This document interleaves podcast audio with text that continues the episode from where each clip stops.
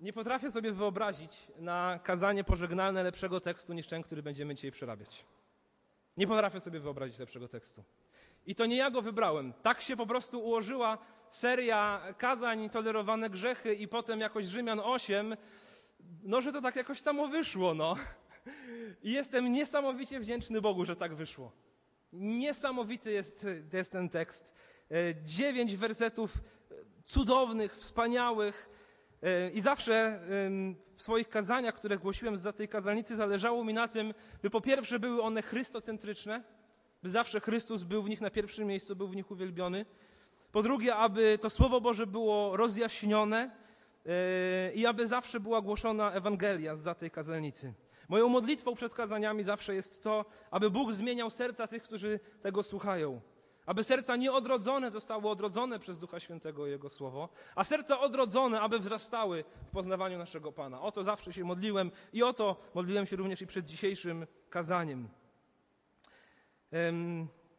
W lutym rozpoczęliśmy przerabianie ósmego rozdziału listu do Rzymian. W zasadzie od siedem i pół zaczęliśmy. I potem tak szedłem przez kolejne miesiące przez ten ósmy rozdział i dzisiaj go zakończymy. Nie wszyscy byli na tych nabożeństwach, więc chciałbym przypomnieć trochę i wprowadzić nas w kontekst tego, e, o czym apostoł Paweł, co apostoł Paweł napisał w tych ostatnich dziewięciu wersetach.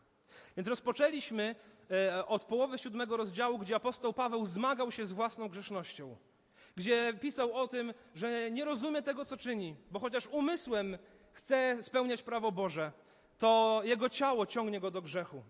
I zadał pod koniec tego e, siódmego rozdziału pytanie: Kto mnie wyratuje z tego ciała śmierci? I po chwili odpowiedział: Bogu niech będą dzięki, który nas ratuje, odkupia, zbawia przez Jezusa Chrystusa.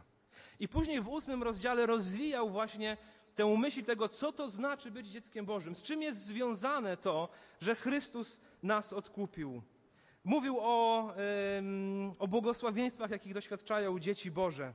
Mówił o, o, o zmianie, jaka następuje w dzieciach Bożych, które pragną świętości, a nie grzechu. Mówił o Duchu Świętym e, w naszym życiu. Mówił o przedsmaku Bożej chwały, e, którego już tutaj na ziemi zaznajemy, ale czekamy na pełnię, na współuczestnictwo w chwale Chrystusa w wieczności. Mówił również o tym, że kiedy przechodzimy przez trudności, to Duch Święty wzdycha razem z nami, nawet wtedy, kiedy nie wiemy, o co się modlić. Y, w końcu ten wspaniały werset, który mówi, że wszystko służy ku dobremu tym, których Bóg, tym, którzy Boga kochają, tych, których On powołał zgodnie ze swoją wolą. Więc rozdział pełen błogosławieństw. Jak już wam to mówiłem chyba na każdym kazaniu, również i dziś to powiem, moim zdaniem najpiękniejszy rozdział całej Biblii. Więc jest to niezwykły dla mnie przywilej, że e, właśnie ostatnimi wersetami tego rozdziału mogę też zakończyć e, swoją służbę tutaj na Waliców. Werset 30, który omawialiśmy ostatnio, mówił: Tych, których przeznaczył, tych powołał, których powołał, tych usprawiedliwił, których usprawiedliwił, tych obdarzył chwałą. Więc podkreślił, że wszystko jest w Bożych rękach. Dlatego nie musimy bać się potępienia za grzechy. Nie dlatego, że je odpracujemy, nie dlatego, że jesteśmy dobrzy, ale dlatego, że Chrystus się o to troszczy, że Pan Bóg od początku do końca ma nas w swoim planie. Jeśli ktoś z Was chciałby sobie przypomnieć te kazania, albo ich nie słyszał i chciałby właśnie wejść, wgryźć w ten ósmy rozdział, to one są dostępne na naszej stronie internetowej www.baptyści.waw.pl lub na naszym kanale Spotify. E, można je odnaleźć. Więc drodzy, przeczytajmy. Rzymian List do Rzymian, rozdział 8, wersety 31 do 39. Czyż to nie wspaniałe? Jeśli Bóg jest po naszej stronie, kto może stanąć przeciwko nam? On, który nawet własnego syna nie oszczędził, ale go za nas wszystkich wydał, jak żeby wraz z nim nie miał nas obdarzyć wszelkim innym dobrem. Kto ma oskarżać wybranych przez Boga? Przecież Bóg usprawiedliwia. Kto ma potępiać? Jezus Chrystus, który umarł więcej, który zmartwychwstał i przebywa po prawicy Boga, On przecież wstawia się za nami. Co nas odłączy od miłości Chrystusowej? Udręka, ucisk czy prześladowanie? Głód, nagość, niebezpieczeństwo czy miecz? Jak napisano z powodu Ciebie, co dzień nas zabijają, traktują jak owce przeznaczone na rzeź.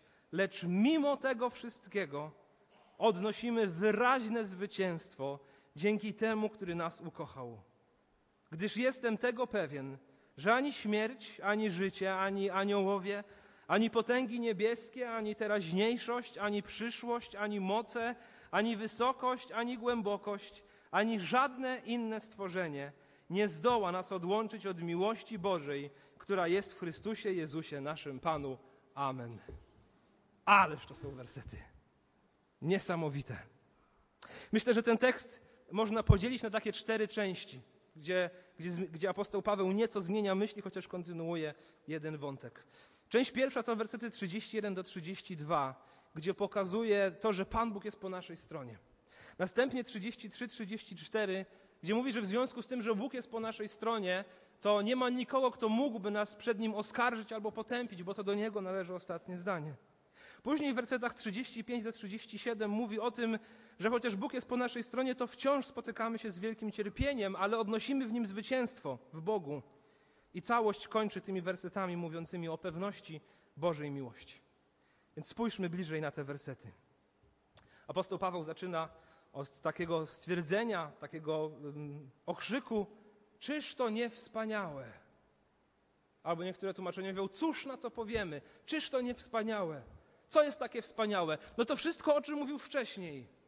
Od, od połowy siódmego rozdziału niektórzy mówią, że to jest jedna myśl, aż od piątego rozdziału tutaj zawarta. Y, to, co jest wspaniałe, to właśnie te Boże obietnice, y, y, to, że Duch Święty jest nam dany, to, że wstawia się za nami, to chwała, która czeka Boże dzieci, to, że nie ma dla nas żadnego potępienia, jeśli jesteśmy w Chrystusie Jezusie. Apostoł Paweł przychodzi do końca i mówi, czy to wszystko nie jest wspaniałe?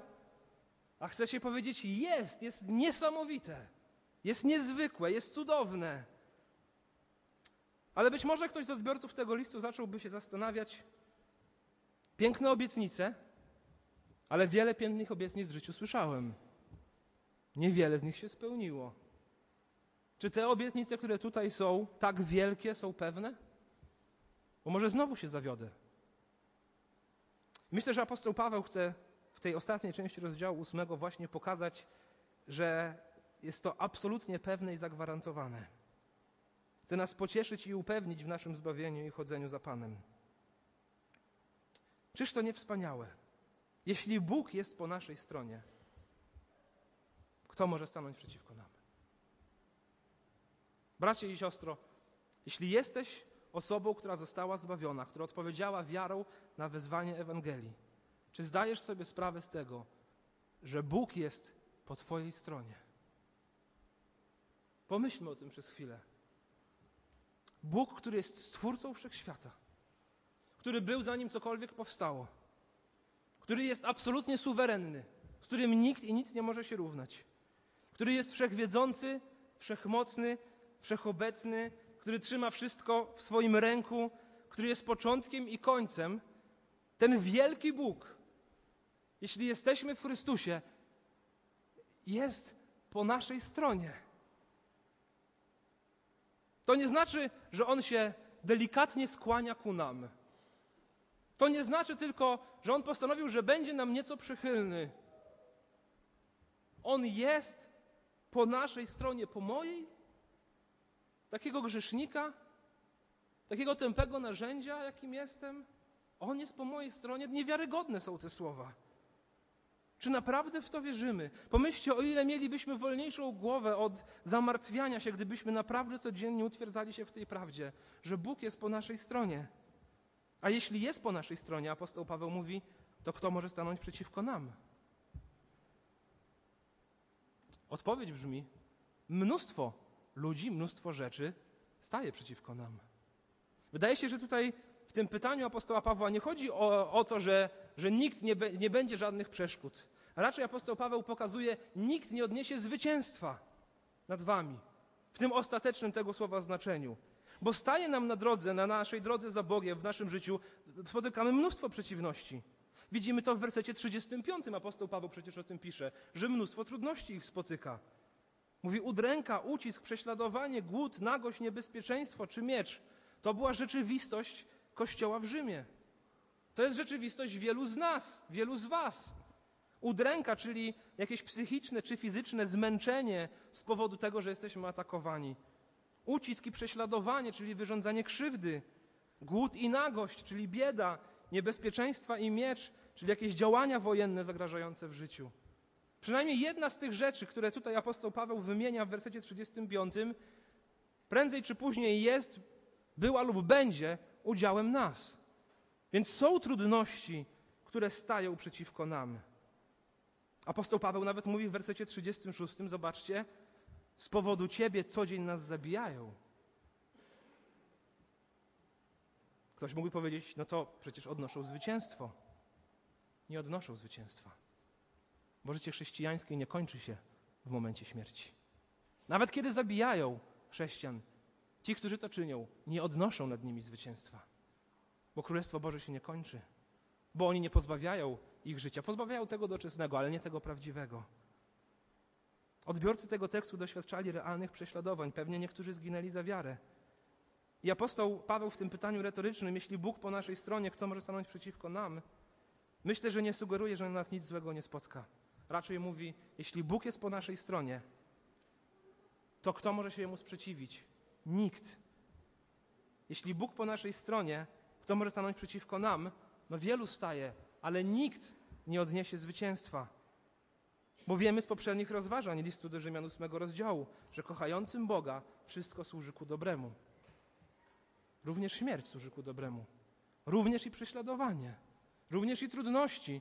Na końcu ich czeka Boża chwała, czeka radość wierzących, czeka Boże zwycięstwo. Bo nawet kiedy zwyciężają nad nami cieleśnie, to nie zwyciężają nad nami ostatecznie, bo ostateczne zwycięstwo należy do Boga. Skąd wiemy, że Bóg jest po naszej stronie? Werset 32. On, który nawet własnego syna nie oszczędził, ale go za nas wszystkich wydał, jakżeby wraz z nim nie miał nas obdarzyć wszelkim innym dobrem. Bóg Ojciec nie oszczędził nawet własnego syna, aby być po naszej stronie. Dlaczego mielibyśmy zatem wątpić, że miałby nam żałować jakiegoś dobra? Doprowadził go na krzyż i Jezus zmarł na krzyżu za nasze grzechy, po to, abyśmy stali się dziećmi Bożymi. A nasz Ojciec jest dobrym Ojcem w niebie. On daje bez wypominania. Jak go prosimy o chleb, nie daje nam kamienia. A jak prosimy go o rybę, nie daje nam węża.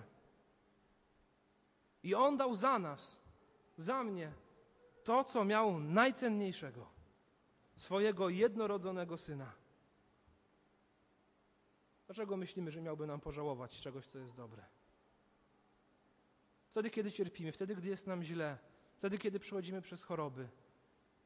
Nie pozwólmy sobie na myślenie, że Boga w tym nie ma. Nie pozwólmy sobie na myślenie, że On chce dla nas źle, że On o nas zapomniał. On dał za nas swojego Syna. Jakżeby nie miał nas obdarzyć wszelkim innym dobrem? Czasami tego dobra jeszcze nie widzimy, ale trzymamy się nadziei i trzymamy się obietnicy, trzymamy się jej kurczowo, idąc wiernie za Nim wierząc w to, co On powiedział, że kochającym Boga to jest tym, którzy są powołani zgodnie z Jego wolą, wszystko służy ku dobremu. On dał swojego Syna za nas i obiecuje nas obdarzyć wszelkim innym dobrem. Wszelkie inne dobro to wcale nie muszą być dobra materialne, chociaż czasami takie są. Ani finansowe, chociaż czasami takie są. Ale jest to wszelkie duchowe błogosławieństwo niebios które prowadzi do jeszcze większego zachwytu nad Nim, radości z tego, kim On jest i kim my jesteśmy w Nim. A ostatecznie wszystko to zmierza do tego, abyśmy mogli mieć współudział w chwale Chrystusa. To nasz ostateczny cel, o którym mówiliśmy poprzednio. Więc Bóg jest po naszej stronie. Kto może stanąć przeciwko nam? On dał swojego Syna. E, dlaczego nie miałby nas obdarzyć wszelkim innym dobrem? Druga część. Druga część to ta część taka bardziej sądowa. Bo skoro Bóg jest po naszej stronie, skoro dał nam wszelkie dobro, to rodzi się pytanie, być może, być może ktoś, ktoś mógłby nas odciąć od tego dobra. A może On mógłby nas odrzucić od tego dobra. No może mamy je teraz, ale może ktoś nas oskarży przed Bogiem i Bóg powie, jednak nie chcę mieć nic wspólnego z wami. Więc apostoł Paweł rozprawia się z tym w wersecie 33 i 34. Kto ma oskarżać wybranych przez Boga? Przecież Bóg usprawiedliwia. Kto ma potępiać? Jezus Chrystus, który umarł więcej, który zmartwychwstał i przebywa po prawicy Boga, On przecież wstawia się za nami. Więc apostoł Paweł mówi, być może, może dochodziły do niego takie głosy, że ktoś będzie nas oskarżał i nas odetnie od Boga.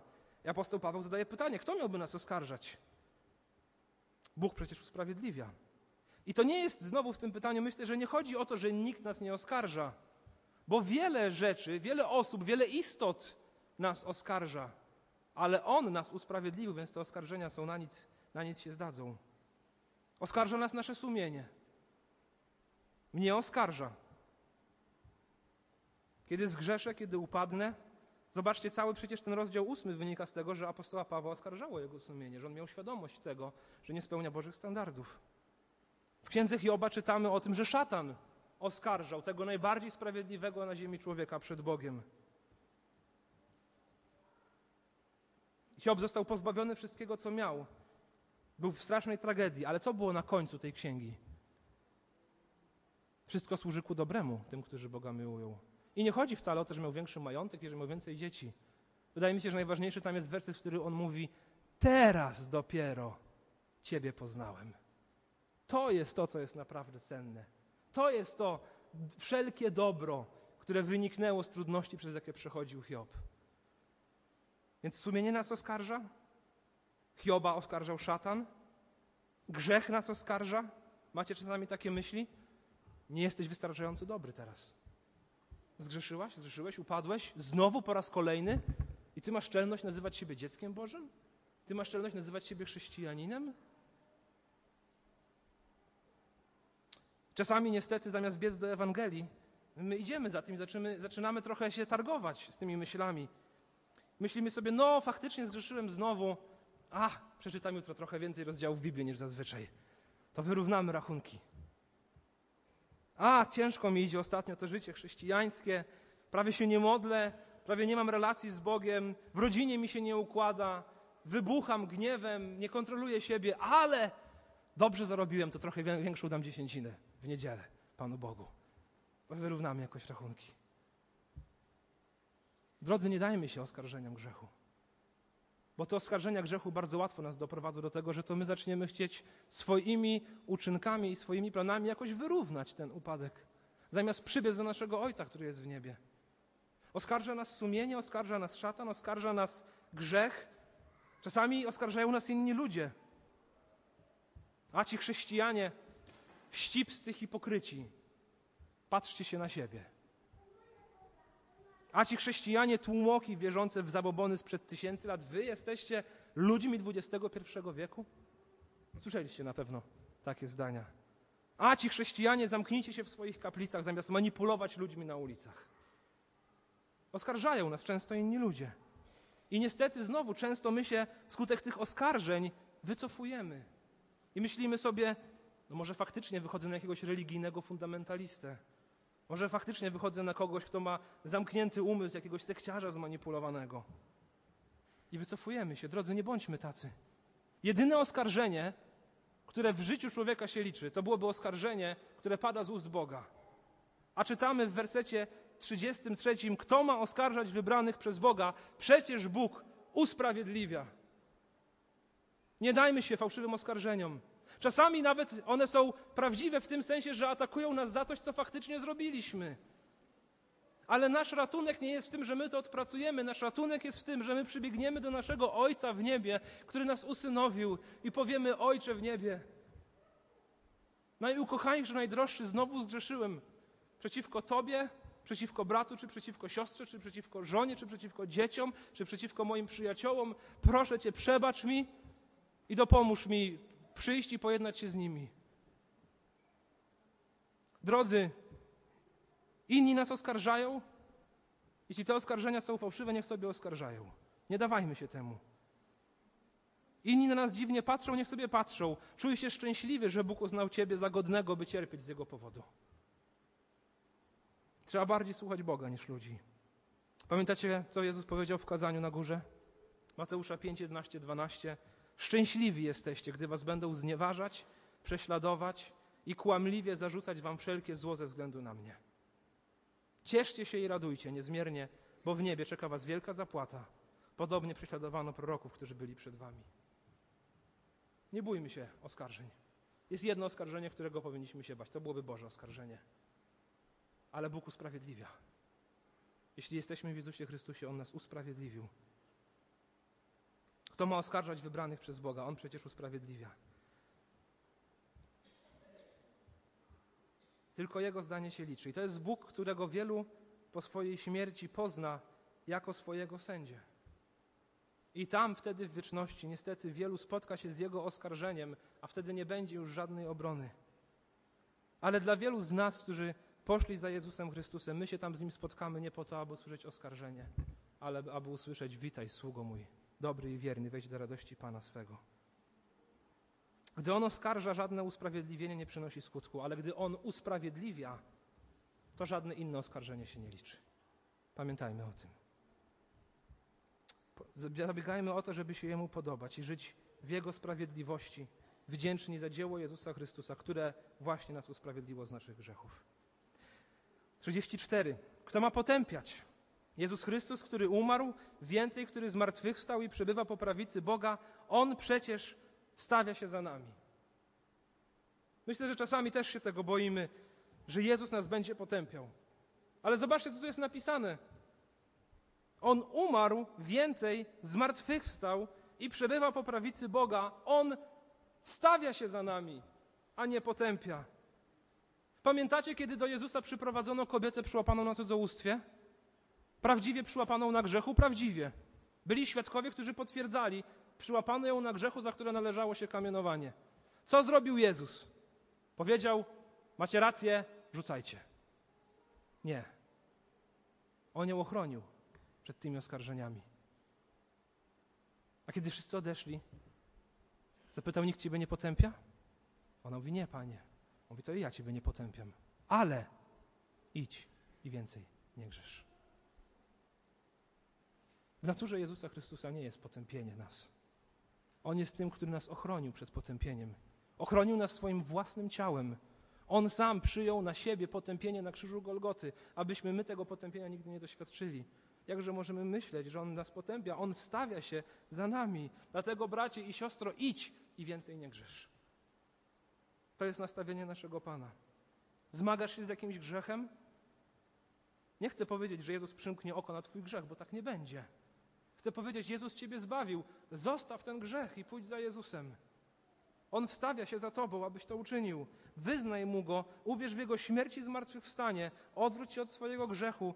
Dziecko Boże, pójdź za swoim Panem, wróć z powrotem na ścieżkę, po której On idzie i idź za Jego krokami. Drodzy, i my też bardzo potrzebujemy złapać tę perspektywę i zrozumieć błogosławieństwo, jakie nas spotkało, że nie, nie czeka nas oskarżenie i potępienie ze strony Boga, ale przyjęcie. I potrzebujemy tego bardzo, bo chrześcijanie dzisiaj dla młodego pokolenia, wiecie z czego słyną? Z oskarżania i potępiania.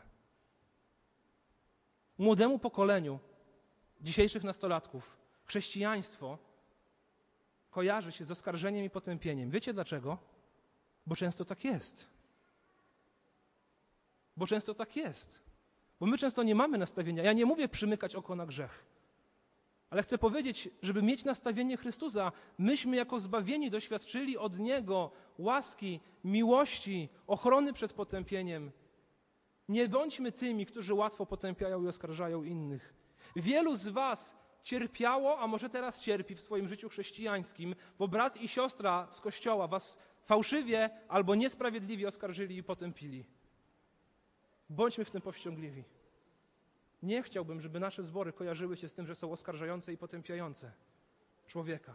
Oskarżamy i potępiamy grzech, tak. Człowieka, który grzeszy, oczywiście mówimy, że o grzechu, ale bądźmy tymi, którzy przynoszą łaskę, którzy przynoszą Ewangelię, którzy mówią: I ja Ciebie nie potępiam, ale idź i więcej nie grzesz. Jak mogę Tobie pomóc rozprawić się z Twoim grzechem? Pomyślcie o tym, Gdybyśmy i my odzwierciedlali nastawienie naszego Pana, ile mniej ludzi zranionych przez Kościół chodziłoby po tym świecie. A Jezus taki jest i myśmy tego doświadczyli jako zbawienie, okazujemy to samo dalej. Więc naturalnie, y, przerobiliśmy połowę wersetów, ale jestem dużo dalej już w swoich notatkach. Naturalnie pojawiają się zatem słowa apostoła Pawła w wersetach 35-37. Skoro Bóg jest po naszej stronie, zwycięstwo należy ostatecznie do Niego. Skoro On dał nam swojego Syna, i pełnię błogosławieństw, z nimi obiecuje obdarzać wszelkim dobrem, skoro On nie oskarża, skoro On nie potępia, To apostoł Paweł mówi: Skoro to wszystko jest prawdą, to cóż nas może odłączyć od miłości Chrystusowej? Udręka, ucisk, prześladowanie, głód, nagość, niebezpieczeństwo, miecz, nawet to, że nas co dzień zabijają i traktują jak owce przeznaczone na rzeź, nie odłączy, bo On nas trzyma przy sobie, bo On za nas zapłacił, bo On dał swojego Syna za nas. I nawet kiedy przez to przechodzimy, o czym mówią wersety 35-36, to mimo tego wszystkiego odnosimy wyraźne zwycięstwo dzięki temu, który nas ukochał. Mimo tego wszystkiego odnosimy wyraźne zwycięstwo. Dosłownie można by to przetłumaczyć jako jesteśmy więcej niż zwycięzcami. Więcej niż zwycięzcami. Nie z powodu tego, jacy my jesteśmy, ale z powodu tego, który nas ukochał. Wszystkie błogosławieństwa, drodzy, o jakich mówię dzisiaj, są wynikiem tylko i wyłącznie Bożej łaski i Bożej miłości. I dzięki niemu możemy być więcej niż zwycięzcami. I przyjmować łaskę za łaską, łaskę za łaską. Gdy cierpisz prześladowania i gdy jesteś w spokoju. Gdy cierpisz głód i gdy jesteś syty. Gdy jesteś nagi i gdy masz pełną szafę. Gdy grozi ci niebezpieczeństwo i miecz, jak i wtedy, gdy możesz zasnąć spokojnie we własnym łóżku. Wszystko to jest Bożą łaską, a Pan Bóg obiecuje, wszystko służy ku dobremu tym, którzy Go miłują. A skoro Boże nastawienie do nas jest tak niezwykłe, to może się pojawić tylko jeden wniosek. Gdyż jestem tego pewien,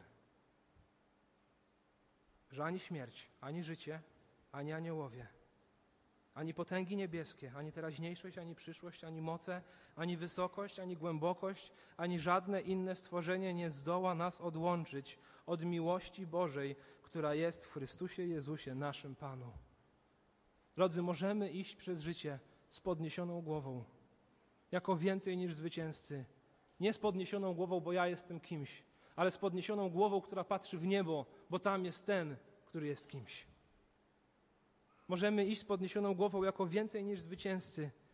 I możemy uchwycić się tych wersetów, które mówią: Jestem tego pewien, że nic nie zdoła nas odłączyć od miłości Bożej. Człowiek może być pewny swojego zbawienia. Czy my rozumiemy, co to oznacza? Człowiek może być pewny. Apostoł Paweł mówi: Jestem tego pewien. To jest zagwarantowane, zapieczętowane.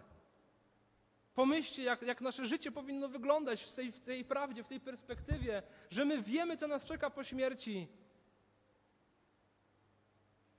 Ile owoców byśmy przynosili chrześcijańskich, gdybyśmy o tym zawsze pamiętali, że Bóg jest po naszej stronie. Ile ludzi by się nawróciło, gdybyśmy zawsze o tym pamiętali. Naprawdę wiele, ale często o tym zapominamy. Często się kulimy, chowamy się w sobie, przytłoczeni różnymi oskarżeniami ze strony szatana, ze strony grzechu, ze strony sumienia, ze strony innych ludzi i wycofujemy się, zamiast podnieść głowę. Nie dlatego, że my jesteśmy jacyś niezwykli, bo nie jesteśmy, ale dlatego, że jest ktoś niezwykły w niebie, kto nas ukochał, zanim powstał świat. Kto posłał swojego syna, aby on za nas umarł i obdarzył nas wszelkim duchowym dobrem, abyśmy my jemu służyli i oddawali jemu chwałę. Możesz być tego pewny. Jeśli zapytać dzisiaj przeciętną osobę przechodzącą ulicami Warszawy, nawet wychodzącą z kościoła, co się z Panem, Panią stanie po śmierci? Większość odpowie, kto to wie? Pan Bóg zdecyduje, zobaczymy. No nie jestem doskonały, ale się staram. Coś tam pewnie trzeba będzie odpracować. Apostoł Paweł mówi: Jestem tego pewien. Jestem tego pewien, do kogo należę i co mnie czeka. Jeśli jesteś osobą zbawioną, wiedz, że jest to rzecz pewna, zagwarantowana i zapieczętowana, bo zbawienie nie jest naszą rzeczą. Nie myśmy je wypracowali, ale otrzymaliśmy z łaski przez wiarę. Bóg postanowił obdarzyć nas nim, odrodził cię do nowego życia, otworzył twoje oczy na Ewangelię, sprawił, że odwróciłeś czy odwróciłaś się od swojego grzechu, usprawiedliwił. On jest twoim obrońcą, a nie oskarżycielem. Ubłogosławił wszystkim, co dobre, obdarza nas wszelkim innym dobrem i wszystko to po to, abyśmy byli współuczestnikami Jego chwały, dla Niego i dla naszej radości. On trzyma nas w swoich rękach i nie wypuści, choćby nie wiem, co się działo. Ani wysokość, ani głębokość, ani żadne inne stworzenie, ani śmierć, ani życie, ani aniołowie, ani potęgi niebieskie. Nic nie zdoła nas wyrwać z Jego ręki. Bracie i siostro, uchwyć się tego. Uchwyć się tych wersetów i uchwyć się tego rozdziału. Niech ten ósmy rozdział listu do Rzymian stanie się dla Ciebie twierdzą do której będziesz wracać za każdym razem, kiedy pojawi się zwątpienie, kiedy pojawi się oskarżenie, kiedy pojawi się chęć zaparcia, zawrócenia. Powracaj do tej twierdzy, do twierdzy, którą jest Rzymian 8. Upewniaj się, co zrobił dla ciebie Bóg i kim jesteś w Chrystusie. To jest twierdza, w jakiej znajdziemy ratunek. Gdy będzie tobie w życiu źle na tle fizycznym i duchowym, biegnij tutaj. W tej twierdzy się możesz schować. A w tej twierdzy wierzę też odwiedzi ciebie Duch Święty. Pan Bóg będzie w tym uwielbiony i przyciągnie do siebie z powrotem. Kończąc. W mojej służbie kaznodziejskiej, jaką tutaj mogłem pośród wielu was spełnić, w służbie, jaką chcę pełnić dalej, największą moją radością było to, kiedy dzieci Boże, kiedy uczniowie Jezusa, wskutek nabożeństwa, uczestniczenia w tym nabożeństwie, wychodząc z niego, jeszcze bardziej kochali swojego Stwórcę. Jeszcze bardziej byli nim zafascynowani. Jeszcze wierniej chcieli poznawać Jego Słowo. Jeszcze bardziej chcieli się modlić, rozumiejąc to, kim On jest i kim jesteśmy my. Nie ma dla mnie większej radości niż to, aby serca dzieci Bożych jeszcze bardziej przygnęły do swojego Zbawcy. Jednocześnie w mojej służbie kaznodziejskiej nie ma większego strachu niż to, aby nieodrodzone czy niezbawione serca nigdy nie stały się jeszcze bardziej ospałe lub niewrażliwe na grzech wskutek kazań, które przyszłoby mi wygłosić. Dlatego staram się, aby w każdym kazaniu zawsze było przesłanie Ewangelii. Bo może jest dzisiaj ktoś, kogo Pan Bóg otworzy, komu Pan Bóg otworzy serce. I tego przesłania Ewangelii potrzebujemy i my, wierzący, i ci, którzy jeszcze do Pana nie należą. Drodzy, utwierdzajmy się w tej Ewangelii. Te wszystkie piękne rzeczy, o których dzisiaj mówiłem, możemy ich, możesz ich doświadczyć w swoim życiu. One mogą być rzeczywistością w Twoim życiu tylko wtedy, kiedy uwierzysz w Pana Jezusa Chrystusa. Te wszystkie rzeczy to nie jest, to nie jest oferta dla każdego człowieka na, spotkanego na ulicy. To jest oferta dla Bożych dzieci. To wszystko, co tu jest napisane, jest, prze, jest przekazane dla Bożych dzieci. Jeśli nie jesteś dzisiaj Bożym dzieckiem, to możesz się nim dzisiaj stać. Uwierz w Pana Jezusa, a będziesz zbawiony Ty i Twój dom. Te wersety w rzeczywistości są codziennością bardzo małej grupy ludzi w tym świecie. Jeśli nie są Twoją rzeczywistością, chcę Ci powiedzieć, możesz dzisiaj dołączyć do tego i wejść w to, o czym mówi ten rozdział. Bo widzisz, święty i doskonały Bóg, który stworzył ten świat i stworzył nas na swoje podobieństwo i swój obraz, powołał nas dla swojej radości i swojej chwały. Myśmy jako ludzie porzucili Go i odwrócili się od Niego, kiedy byliśmy w ogrodzie Eden. Zostawiliśmy naszego Stwórcę, zbuntowaliśmy się przeciwko Niemu. I grzech wszedł na świat. I skaził absolutnie ten świat, i skaził nas jako ludzi. Od urodzenia rodzimy się w naszych grzechach. I chociaż Pan Bóg mógłby nas odrzucić od siebie, to stworzył nas z miłości i z łaski. I od początku, od momentu, kiedy Adam i Ewa zgrzeszyli, gdy Bóg zaczął się z nimi rozliczać, już wtedy powiedział: Jest plan ratunkowy, który będę realizował, abyście wy mogli być znowu ze mną. Ten plan ratunkowy spełnił się w Jezusie Chrystusie. Jezus Chrystus przyszedł na świat i żył doskonałym, bezgrzesznym życiem, którym my powinniśmy żyć. On nim żył. I poszedł na krzyż Golgoty i tam przyjął na siebie Boży gniew, abyśmy my nie musieli go doświadczać jako ci, którzy zgrzeszyli. Na tym krzyżu Golgoty Bóg Ojciec nałożył nasze grzechy na Chrystusa, a na nas nałożył Jego świętość. I Jezus Chrystus nie został w grobie, ale z martwych wstał. Bóg wzbudził go z martwych i powołał go z powrotem do życia. A potem wziął go do nieba. I on siedzi teraz po prawicy Ojca i wstawia się za nami. I wzywa dzisiaj wszędzie wszystkich do tego, aby pojednali się z Nim. I aby mogli wejść w to, o czym mówi list do Rzymian, ósmy rozdział. Abyś mógł powiedzieć, czyż to nie wspaniałe? Jeśli Bóg jest po mojej stronie, kto może stanąć przeciwko nam? Nie z powodu tego, jaki jesteś, ale z powodu tego, jaki jest On. Po co babrać się w grzechu? Kiedy masz tak wielkie błogosławieństwo. Koszty pójścia za Nim są ogromne. Mówiłem o nich dzisiaj. Koszty życia są potężne. Koszty pójścia za Nim. Będziesz atakowany przez wielu. Wielu się może od Ciebie odwrócić. Wielu Cię potraktuje jako swojego wroga. Możesz być pewny, jak zrobisz pierwszy krok w kierunku Jezusa, całe zastępy piekielne zrobią wszystko, co można, aby Ciebie z tej drogi zawrócić. ale błogosławieństwa, jakie są na tej drodze, są nie do porównania z czymkolwiek innym. Te trudności są niczym w porównaniu z tymi błogosławieństwami. Wejdź na tę drogę. Bracie i siostro, jeśli zszedłeś z tej drogi, wejdź na nią jeszcze dzisiaj. Jezus Ciebie zbawił.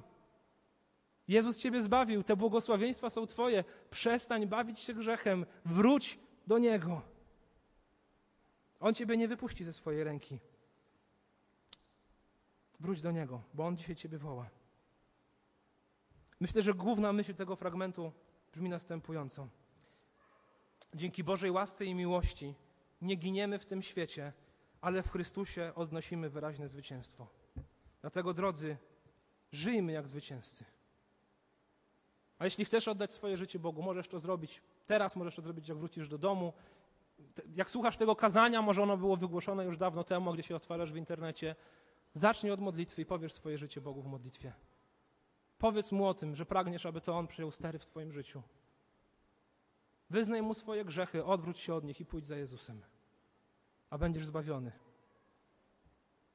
I Rzymian 8 stanie się Twoją rzeczywistością. Czyż to nie wspaniałe? Jeśli Bóg jest po naszej stronie, kto może stanąć przeciwko nam? On, który nawet własnego syna nie oszczędził, ale go za nas wszystkich wydał, jakżeby wraz z nim nie miał nas obdarzyć wszelkim innym dobrem. Kto ma oskarżać wybranych przez Boga? Przecież Bóg usprawiedliwia. Kto ma potępiać? Jezus Chrystus, który umarł, więcej, który zmartwychwstał i przeprywa po prawicy Boga. On przecież wstawia się za nami. Co nas odłączy od miłości Chrystusowej? Udręka, ucisk czy prześladowanie, głód, nagość, niebezpieczeństwo czy miecz? Jak zostało napisane z powodu Ciebie, co dzień nas zabijają, traktują jak owce przeznaczone na rzeź. Lecz mimo tego wszystkiego odnosimy wyraźne zwycięstwo dzięki temu, który nas ukochał, gdyż jestem tego pewien, że ani śmierć, ani życie, ani aniołowie, ani potęgi niebieskie, ani teraźniejszość, ani przyszłość, ani moce, ani wysokość, ani głębokość, ani żadne inne stworzenie nie zdoła nas odłączyć od miłości Bożej, która jest w Chrystusie Jezusie, naszym Panu. Amen. Powstańmy i wyśpiewajmy również te prawdy teraz w pieśni Nadzieję odnalazłem w nim, a następnie zapraszam każdego, kto pragnie do cichych i głośnych modlitw.